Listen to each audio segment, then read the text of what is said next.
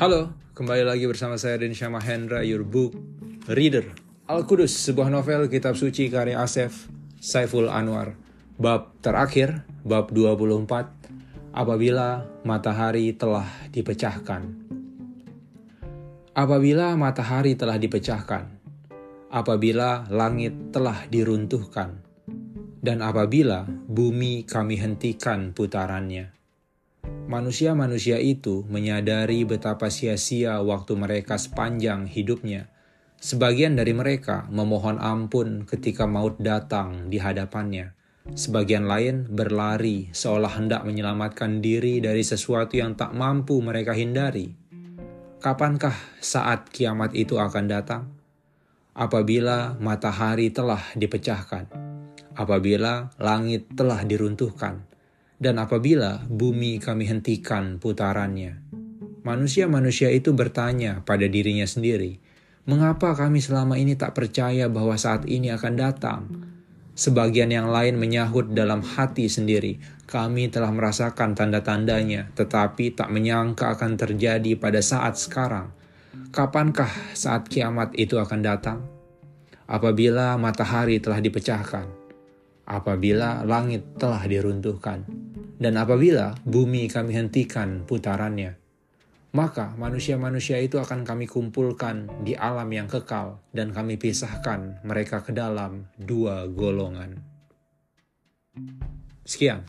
Tapi sebelum aku tutup, karena ini adalah bab terakhir untuk segmen buku Al-Qudus, aku akan sedikit uh, mereview buku ini. Yang pertama, Al-Qudus ini adalah sebuah novel karangan tentu saja seorang manusia, bukan kitab suci.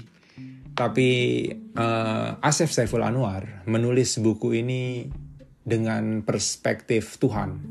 Jadi dia membuat sebuah buku yang bisa dibilang seolah-olah adalah sebuah kitab suci yang diturunkan kepada seorang rasul terakhir yang diceritakan dalam buku ini bernama Erelah, Erelah sang utusan dan berjenis kelamin wanita. Cuman uh, nuansa dalam menulis buku ini dia mungkin referensinya tentu banyak dari agamanya sendiri yang tentu saja Islam. Dia seorang muslim yang sehingga dalam menulis buku ini uh, nuansanya lebih ke terjemahan kayak terjemahan Al-Qur'an begitu, gaya bahasanya walaupun tentu saja uh, dari segi isi dan kualitas sedikit pun tidak menyamai ya cuman maksudnya uh, nuansa penulisannya uh, itu yang dia coba gitu Asef Saiful Anwar ini lahir di tepi kali Cisanggarung, Cirebon. Alumnus jurusan Sastra Indonesia serta program Pasca Sarjana Ilmu Sastra Fakultas Ilmu Budaya UGM Cerita-cerita pendeknya dibukukan dengan judul Lam Sijan Memutuskan Menjadi Gila, PSK UGM 2014. Hasil penelitiannya diterbitkan dengan judul Persada Studi Club dalam Arena Sastra Indonesia UGM Press 2015 dan sejumlah puisinya terdapat dalam Angin Apa Ini Dinginnya Melebihi Rindu Interlude 2015. Uh, buku ini memiliki 24 bab. Bab 1 judulnya Ladang dan Biji. Kemudian bab 2 Orang-orang dalam gua, perihal firman dan cerita, kisah lima pemburu, kaum yang hidup dalam gua, sejarah dan kiasan. Uh, di awal-awal kita buka buku ini ada tulisan yang langsung mencengangkan gitu. Sebelum masuk ke daftar isi, dia memberikan sebuah note untuk pembaca. Sucikanlah dirimu sebelum menyentuh kitab ini, dan letakkanlah kitab ini pada tempat yang tinggi lagi suci. Keren. Selain uh, isi dari buku ini yang sudah aku bacakan ke belakang untuk kalian yang belum mendengarkan bisa mendengar bisa cari lagi bisa di scroll ke atas atau ke bawah Al-Qudus dari episode 1 yang membacakan bab 1 sampai episode ke-24 yang membacakan bab terakhir 24 itu ada jadi sebenarnya kayak Al-Quran. Uh, maksudku kayak kitabnya misalnya kayak kitab suci Al-Quran itu dari bahasa Arab diterjemahkan ke bahasa Indonesia. Misalnya ya sehingga bahasa Indonesia itu adalah kata-kata apa yang ditulis dalam bahasa Arab gitu kayak terjemahan plek gitu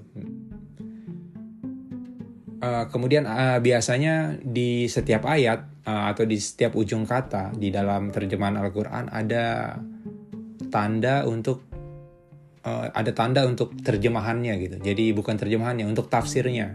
Jadi misalnya kata A itu ditafsirkan uh, yang kontekstual lah. Apa konteks dari kata itu gitu. Sehingga kalau terjemahan kan mungkin hmm, maknanya sempit gitu ya atau bahkan luas gitu. Tapi di dalam tafsirnya itu dijelaskan apa sih yang dimaksud dari itu. Nah, sebenarnya di buku ini juga ada yang seperti itu, tapi aku tidak membacakan tafsirnya. Jadi seolah-olah kalau misalnya membaca Al-Qur'an, aku hanya membaca terjemahannya gitu. Jadi aku hanya membaca ayatnya aja. Sedangkan di dalam ayatnya itu di dalam buku ini itu ada terjemahan eh, ada tafsirnya juga.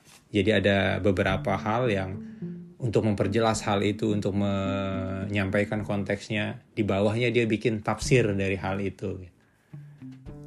Dan aku nggak baca itu. Jadi untuk kalian yang pengen tahu lengkapnya, termasuk tafsir-tafsirnya, uh, sehingga lebih paham konteksnya. Walaupun menurutku uh, kita membaca ayat-ayatnya aja udah udah oke okay, karena kita bisa membayangkan sendiri apa sih maksudnya gitu apa sih korelasinya karena ayat-ayat yang dia buat karena dia uh, mungkin referensinya Al-Qur'an uh, sehingga banyak hal yang juga menyerepet uh, ke ajaran-ajaran agama Islam begitu. Jadi kayak misalnya hal-hal uh, yang berkaitan dengan kita itu sebaiknya kalau berbuat kebaikan itu ditutup-tutupi gitu.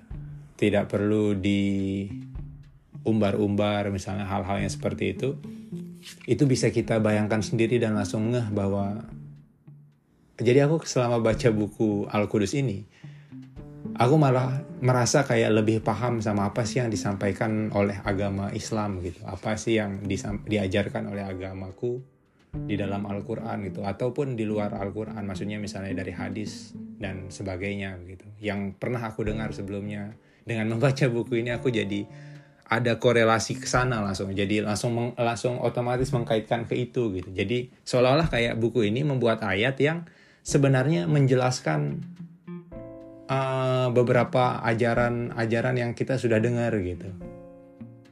Atau bahkan mengkritik praktek-praktek beragama yang kita lakukan sehari-hari. Walaupun dia tidak mengkritik dia jelas tidak ada mengkritik uh, atau menyindir ritual-ritual keagamaan yang standar yang biasa kita lakukan yang maksudnya sudah uh, ada standarnya atau sudah umum lah.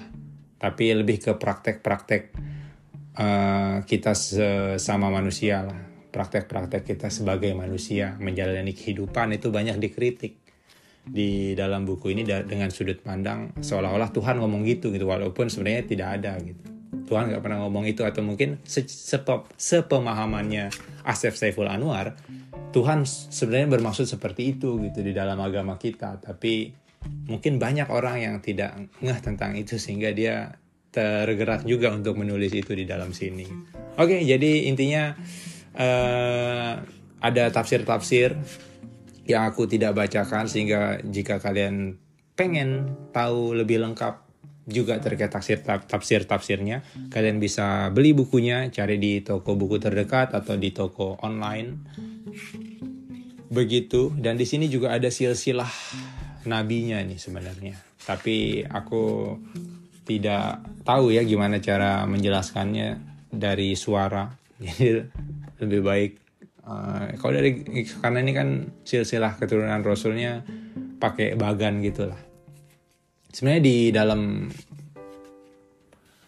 surah-surah di dalam buku ini juga banyak yang disebutin. Kayak misalnya hmm, Yaref putra Gabir putra Az Azfa gitu. Bahasanya kayak gitu di dalamnya. Cuma di sini lebih lengkap lah dan silsilah keturunan Rasul. Ini adalah kitab suci. Agama kaib. Eh, Asep Saiful Anwar juga menulis agama kaib. Itu mungkin aku kaib kaib kaib kaib kaib jangan-jangan kaib itu hanya uh, acakan huruf dari kata baik gitu. Jadi dia memang ingin membuat gambaran bahwa ini adalah kitab suci untuk agama kaib untuk panduan kepada para manusia supaya bisa menjalani kehidupan yang baik atau bisa menjadi orang baik kayak gitu. Oke, okay. Thank you yang sudah mendengarkan. See you on next episode. Bye.